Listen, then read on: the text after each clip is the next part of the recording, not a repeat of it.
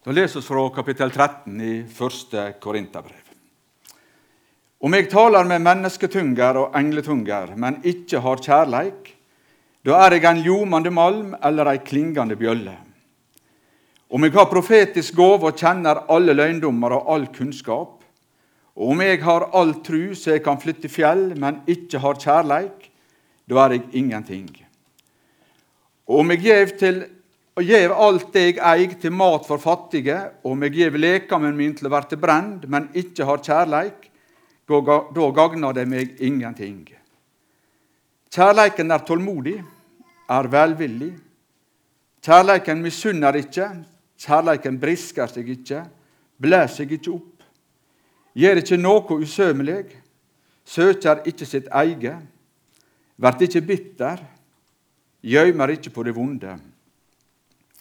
Han gleder seg ikke ved urett, men gleder seg ved sanning. Han held ut alt, trur alt, voner alt, tåler alt.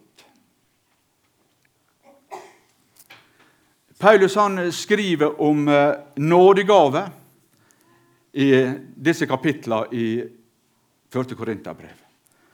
Han skriver om utrustning og kraft til tjeneste og det som vi trenger for å kunne tjene Han i forsamlinga og i verden der Han har plassert oss. Og midt i dette avsnittet så skriver han dette kapittelet om kjærleiken. Kjærleiken sin høgsang er det av og til blitt kalla. Og det er poetisk, det er storslagent, og det er sterkt å lese. Det er et veldig kjent avsnitt i Bibelen vår, kanskje et av de mest, de mest kjente avsnittene i Det nye testamentet. Og likevel Ikke sikkert du har det som meg, men jeg kjenner på at dette er noen vers og et avsnitt som jeg syns det er vanskelig å nærme seg. Nettopp fordi at det er så stort. Hva er kjærleik? Det å elske, hva er det for noe? Og så syns jeg at dette det er på mange måter vanskelige ord å bruke. Kjærleik å si at jeg elsker noe eller noen. Eh, jeg syns det er vanskelige ord å ta i munnen min. To grunner til det.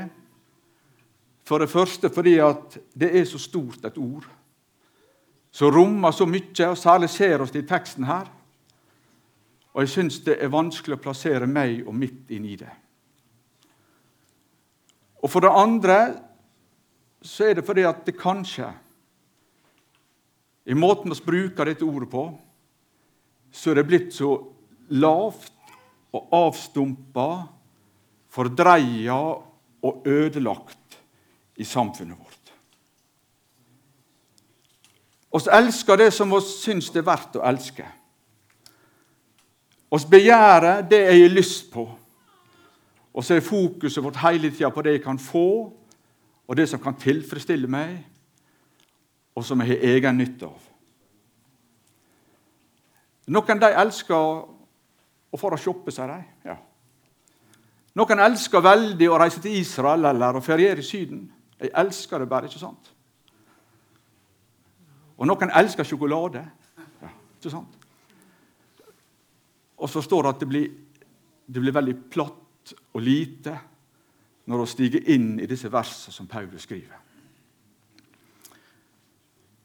Og Uttrykket 'å elske' for de som er like gamle som meg og nedover Når vi hører det ordet og bruker det, så er det ofte snevert forstått om det å ha sex med en annen person. Og det er det hele. ikke sant? Eh, og så forstår vi det at når oss, og skjønner det umiddelbart når vi leser teksten fra Paulus her, eh, at dette her det, det blir ikke helt det samme. Paulus han kjente det faktisk likedan. Det vanlige ordet for kjærleik, eros, og ser erotikk. ikke sant? Det var vanlig å bruke også om religiøse forhold og mange forhold. Men så var det så belasta med verslig og hedensk tankegang at det ville ikke fungere her i denne sammenhengen. Og Da gjør Paulus noe. Da bruker han et ord som er veldig sjelden brukt i profan gresk, og det er ordet agape. Og så bruker han det ordet i denne sammenhengen, og så fyller han det med innhold og bruker det om Gud, så elsker mennesker som ikke har gjort seg fortjent til det. Og det er en kjærlighet som ikke er bestemt av at den som blir elska, er verd å elske. Det er ikke objektet på en måte som er i fokus. Men kjærleiken er bestemt av Han som elsker. Han som er bærer av den, og som elsker ufortjent, som ei gave, uten å forvente noe igjen. Det er veldig lett å lese dette kjente avsnittet i Bibelen overfladisk og uten ettertanke. Det blir ofte lest med innlevelse, med opphøya stemning, og en skuespiller kan, og en kunstner kan lese dette på en sånn fantastisk måte som, som løfter det opp til et kunstverk. ikke sant? Og det er det hele. Men det var ikke det som var meninga. Nå skriver Paulus fra vers 4 her. Kjærleiken er tålmodig, er velvillig. Kjærleiken misunner ikke. Kjærleiken brisker seg ikke, blæs seg ikke opp, gjør ikke noe usømmelig, søker ikke sitt eget, blir ikke bitter, gjemmer ikke på det vonde. Han gleder seg ikke ved urett, men gleder seg ved sanning. Les oss. Kjærleiken sunn ikke skriver han det til Korinterkirkelyden. I kapittel 3 i dette brevet så skriver han til dem på denne måten For det er ennå kjøtlige. Når det er misunning og strid mellom dykk, er det da ikke kjøtlig å ferdes på menneskelig vis. Dere misunner, sier han. Så skriver han her kjærleiken misunner ikke. Kjærleiken blæser seg ikke opp så skriver han noen kapittel lenger framme. Dere er oppblåsne, sier han. Dere hevder dere rett og brisker dere. Så skriver han at kjærleiken søker ikke sitt eget. Så skriver han et helt kapittel i kapittel 6 lenger fram, der han går i rette med dem pga. strid og konflikter og rettssaker som de har seg imellom. Kjærleiken gjør ikke noe usømmelig. Så skriver han til dem lenger framme om forsvar av ord og et liv som ikke er overens med Guds ord. Så ser vi at det Paulus skriver om kjærleiken her Alt det innholdet den har, kvalitetene den har, disse uttrykkene som er brukt Det er ord til å speile seg i og stille sitt eget liv framfor. Og det var på mange måter det som var meninga fra ei side sett med det Paulus skriver. Misunnelse. Kan du stille deg framfor det ordet? I møte med de som livet har lykkes for, og det er gått skeis for deg. Kjærleiken søker ikke sitt eget i det han gjør, i det han tenker, i det han sier, måten han handler på. Det er alltid den andre i fokus. Kjærleiken blir ikke bitter. Kan du stille deg sjøl framfor det? I møte det du er blitt møtt med, kanskje av urett og ting, i møte med andre mennesker. Gleder seg ikke ved urett. Ber du aldri på skadefryd over at det går den motstander av den som du kanskje syns livet er gått så bra for, og dårlig for deg, og så plutselig skjer det noe. Ja, ikke sant? Kjenner du det her? Det var godt han fikk oppleve det. Fikk se det. I Filippabrevet kapittel 2 og vers 3, 4 og 5. Gjør ikke noe av æresjuke eller av lyst til tom ære men akta hverandre i audmjukskap høyere enn dykk sjølve. Ingen må bare se på sitt eget, men hver en må òg ha for øye hva som gagner de andre. La det huglaget, sinnelaget, være i dykk som òg var i Kristus Jesus. Igjen ord til å speile seg i, stille fram for livet sitt. Hvordan er du, og hvordan er, er jeg? Jeg lurte på om jeg skulle fortelle en historie om meg sjøl. Eh, og jeg tror jeg gjør det. Det er litt dristig. Eh, dette er fortalt bare én gang før, sånn som mange her på, iallfall. Eh, jeg var på arbeid og kjære lastebil. Og det var en i Sykkylven ned Velledalen og Streimgjerdet og ut på Austneset. Og Jeg så at jeg hadde mulighet til å rekke ferge, men det var ikke mer enn slik at jeg, jeg måtte rekke den. Og Så lå det selvfølgelig en bil framme meg etter hvert. Ti kilometer under fartsgrensa. Ja da, det var en gammel mann. Jeg så det på skallen og alt inni der. Eh, og Jeg prøver å komme forbi. Trafikk imot hele veien. Blinker med lysa. Eh, alt dette her. ikke sant? Denne ferga har jeg lyst til å rekke. Ikke. Kjørte på. Og det åt på seg. Kom oss ut på Austneset. Ferga akkurat lagt ifra og gikk. ikke sant? Hva gjør han da? Stå? Da går jeg altså ut av bilen. Jeg roer meg litt ned først. Jeg går fram og banker på ruta til denne mannen. Jeg var, jeg var, ikke sint og rasende, ikke stygg sånn, men jeg fortalte han sannheten klart og tydelig hva jeg mente om dette. her. Det skulle rekke ferga, du kunne kjøre til sides. Ja. Ikke sant? Hva betyr dette her? Ja. Må tenke litt på andre og sånn. Ja. Eh. Der satt en i bilen rett bak han. Eh. Sendt ifra Gud, tror jeg, den dagen. Sauene i vinduet. 'Nå må du roe deg ned', sa han til meg. Sikkert han klarte å kjøre fortere. Nei. Det er ferdig om 19 minutter. Ja. Eh, jeg er bak den lastebilen. Eh, og et møte med meg sjøl som gjør at du siger helt sammen. Hva, hva, er det for noe? Du er da en, en kristen, Lars. Du hører Jesus til. Du skulle være bærer av hans sinnelag. Og så møter du et annet menneske på denne måten. Jeg sier helt sammen.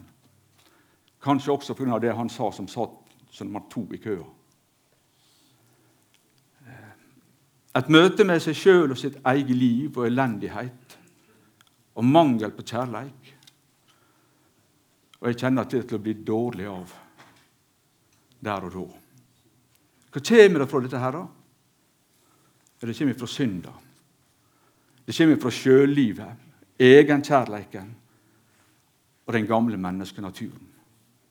Det er derifra det kommer.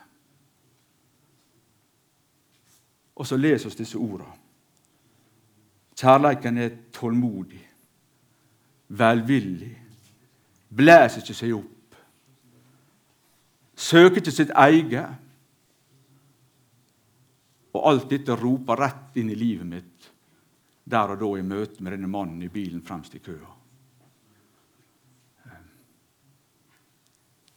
Kjærleiken er tålmodig, velvillig, misunner ikke, brisker seg ikke, gir ikke noe usømmelig, søker ikke sitt eget, holder ut alt, trur alt, voner alt, tåler alt.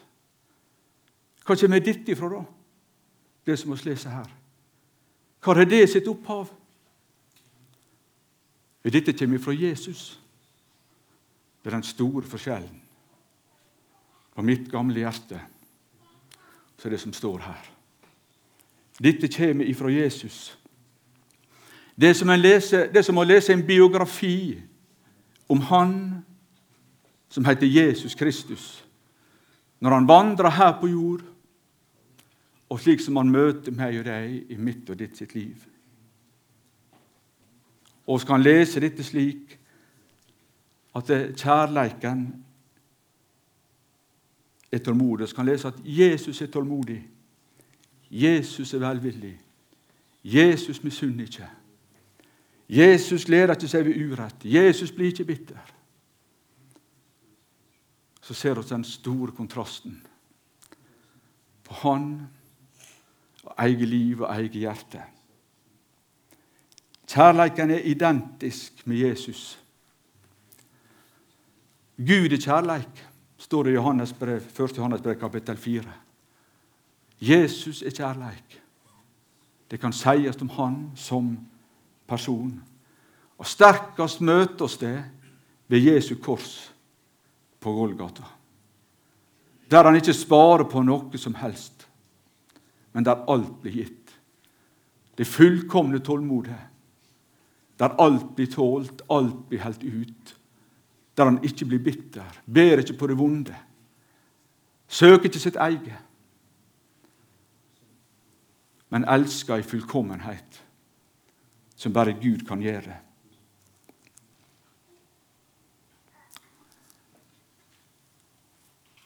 Jesus han har det som jeg og du mangler.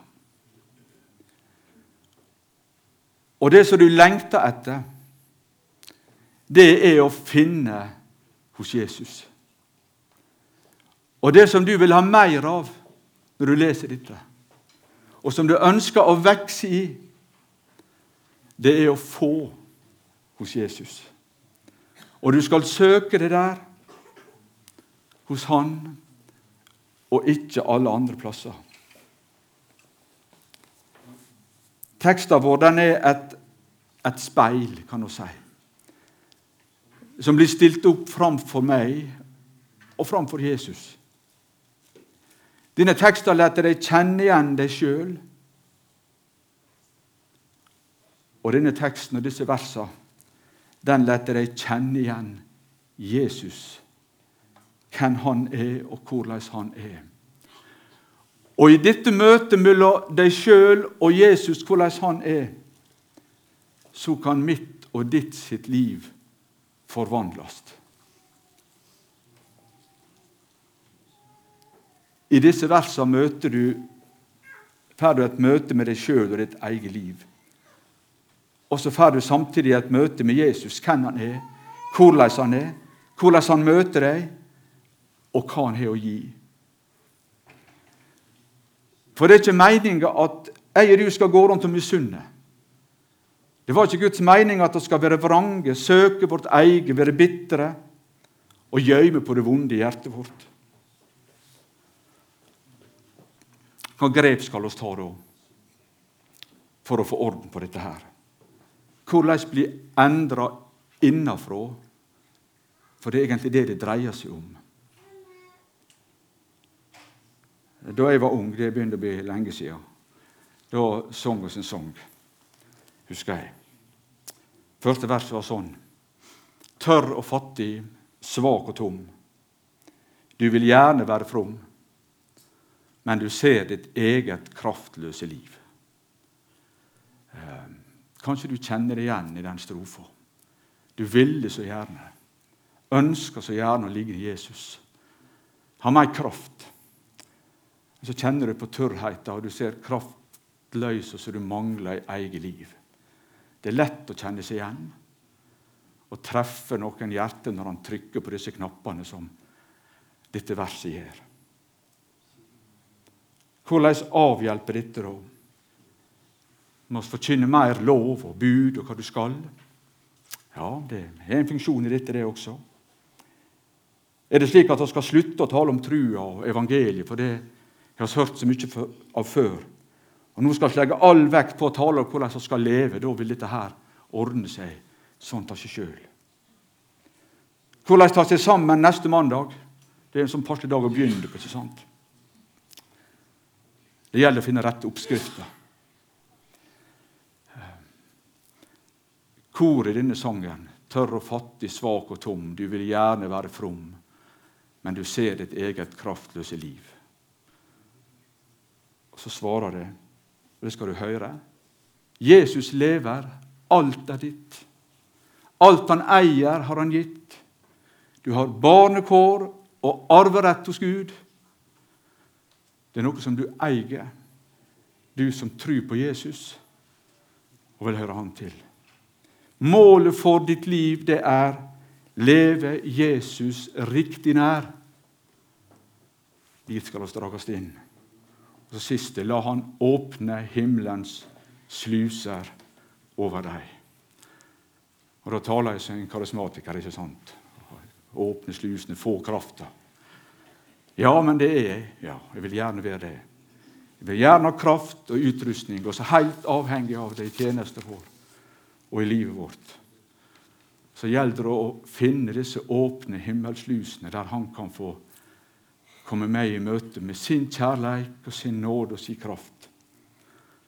Og Da vil jeg gjerne si det at ved Jesu kors der er himmelslusene åpne som ingen annen plass. Ingen plass gir Gud som der. Ingen plass elsker Han som der. Der ingenting blir spart for at du skal høre Han til. Jesus lever, alt er ditt. Alt han eier, har han gitt. Du har arverett og barnekår hos Gud. Men Gud syner sin kjærleik med det at Kristus døde for oss medan vi ennå var syndere. Så det er dit jeg og du må med vårt sitt liv for å ta imot nåde, frelse og tilgivelse. Og gripe det i trua. Det skaper et nytt hjerte. Det er en ny fødsel. Det er å bli født på ny. Og Da skjer det noe på innsida. En lyst og en trong som korresponderer med dette å elske, være tålmodig, bære over med, ligger Jesus. I Hebreabrevet kapittel 12, og tre første versene, står det sånn Så lat oss derfor, etter de vi har så stor sky av vitner kring oss, legge av synda og alt som tynger, og synda som henger så fast ved oss, og renne med tålmod i den striden som ligger framfor oss. Ja, det sier Bibelen. Du skal legge av dette her, du som tror på Jesus. Du skal legge av synda og det gamle. Du skal slutte å hate, du skal slutte å være bitter. Du skal slutte å søke ditt eget, du skal legge det av. Så fortsetter Bibelen med øynene festet på Jesus. Han som er opphavsmannen og fullenderen til trua. For å oppnå den glede som venter, han leier han krossen med tålmod uten å akte vanære, og har nå sett seg ved høyre side av Guds trone. Ja, tenk på Han som helt ut slik motseiing fra syndere, så det ikke skal verte trøtte i sjelene dykkar og verte motløse i hugen. Legg av synda, sier Bibelen, med augo feste på Jesus. Ja, tenk på Han som tolde og som bar, og som kjøpte deg fri, og som etterlet et eksempel for meg og deg.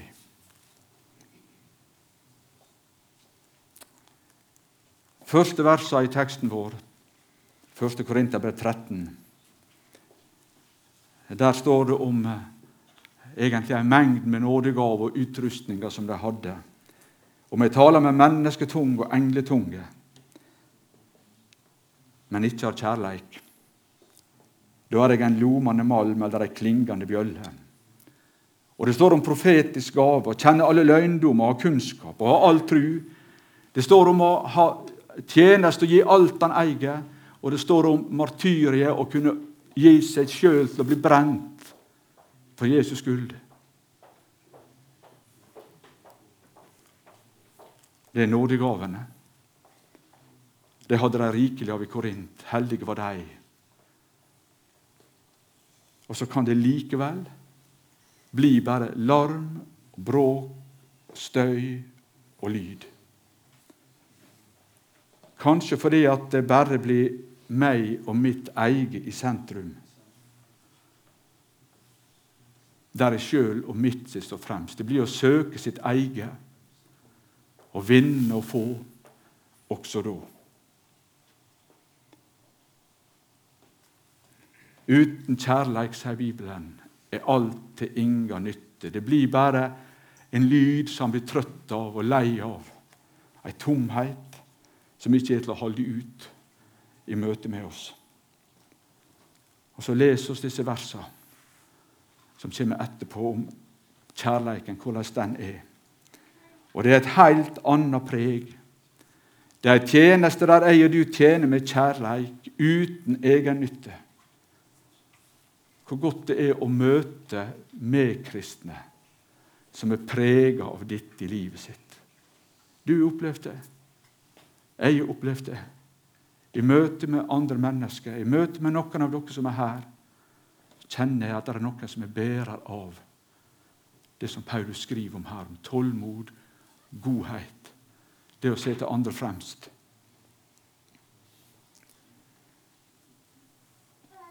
Paulus han skriver rett før avsnittet vårt og rett etter avsnittet vårt. Men trå etter de beste nådegavene, sier han. Og etterpå søk med iver å få de åndelige gavene. Og jeg vil gjerne si det, oss er så avhengige av kraft og utrustning og nådegave i livet vårt for å tjene Jesus. Jeg skulle sagt mye mer om det. Ja, det kommer an på om jeg eier det for at jeg skal kunne bli brukt, og at den tjeneste jeg har fått, skal kunne bli til nytte for mennesker. Jeg må få det fra Gud, fra Jesus, fra Den hellige ånd. Så skriver han likevel samtidig og jeg vil vise dere en enda bedre vei. Jag etter kjærleiken, sier han.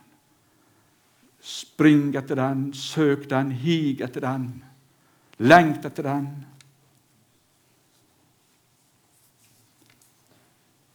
Det er et jag etter Jesu Kristi sinnelag, hjertelag. Og La oss Filippa brev i stad, kapittel 2 og vers 5. La det sinnelaget som var i Kristus Jesus, være i dere, sier han. Og så skriver han om hvordan Jesus var. Hvordan han fornedra seg, tok en tjenerskap på apostel var lydig til døden. Og så eier du ofte fokus på de versene som taler om Jesus, om korset, hvordan han fornedra seg. Og det er rett og sant. Men hovedformaninga og hovedverset i dette avsnittet det er dette. La det hugelaget være dykk som òg var i Kristus Jesus. Det er det Paulus ønsker å si noe om der, og som han retter inn i livet vårt. Det skal du søke etter, det skal du jage etter, sier han. Det skal du trakte etter, strekke deg etter. Den personlige livsforbindelsen med Jesus er helt avgjørende for tjenesten vår, for liv i forsamlinga og liv i verden. Og etter å ha møtt og mottatt Jesus sin grenseløse kjærleik, så skal den ut i livet vårt. Den skal sette sitt preg på nådegavene, tjenestene og hverdagen. I 1. Johannes brev, kapittel 3, vers 18, står det et vers som er verdt å tenke på. Mine barn, lat oss ikke elske med ord eller med tunge, men i gjerning og sanning. Det betyr ikke at det er galt å si gode ord til hverandre og oppmuntre og bruke tunge og munn til å gjøre godt. Men han sier det skal ikke bare være en teori. Dere skal elske hverandre i gjerning og i sanning, sier han. Og Her skal jeg du gjøre det som ordet sier. Sette det ut i livet, ut i hverdagslivet. Det er stort å få lov å tjene Jesus og hverandre med kjærleik i vårt daglige liv og i det kallet og i de oppgavene som vi har fått. Dette går an å vandre i. Det går an å vokse i det. Det går an å prøve det, og kort og godt gjøre sånn som ordet sier. Og så når du mislykkes, og av og til står skamfullt tilbake eh, Når jeg sitter på lastebilsetet på turen over med ferga etter å ha nærmest tatt denne mannen av dage, for å si det sånn. Ja. ja. Da får jeg lov å komme til Han som har denne kjærleiken i fullt mål.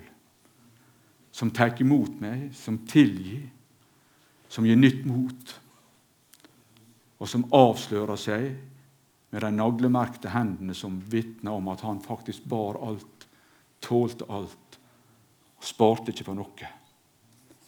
Så står det faktisk det. Han helte ut alt. Trur alt, voner alt, tåler alt. Det er fullkommenhet. Alt. Alt for den andre. Han tåler alt. Hån, spott, smerte. Det å bli forlatt av Gud. Her er det guddommelig kjærleik. Dette har Jesus. Og Når du kommer til Jesus med ditt liv, så møter han deg med denne kjærleiken. Slik som du er, og slik som du har det. Altså ikke slik som du ønsker å være, eller slik som du burde være, men han møter deg akkurat der du er i livet, slik som du har det nå, og trenger det nå. Og Dette møtet sier igjen det kan forvandle det innafra. Det skaper noe nytt når det blir lagt inn i ditt hjerte. Og Så skal denne kjærleiken ut i livet ditt. Nå er klokka ti på tolv søndag formiddag. Jeg har holdt på i 32 minutter, så det er for lenge, men det er greit. Men det står og leser denne teksten og taler om dette her. I morgen formiddag, mandag ti på tolv.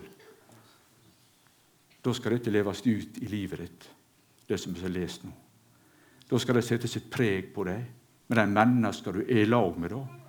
da de du møter, og de oppgavene du har her i verden, i det kallet og de oppgavene og tjenestene som du har fått.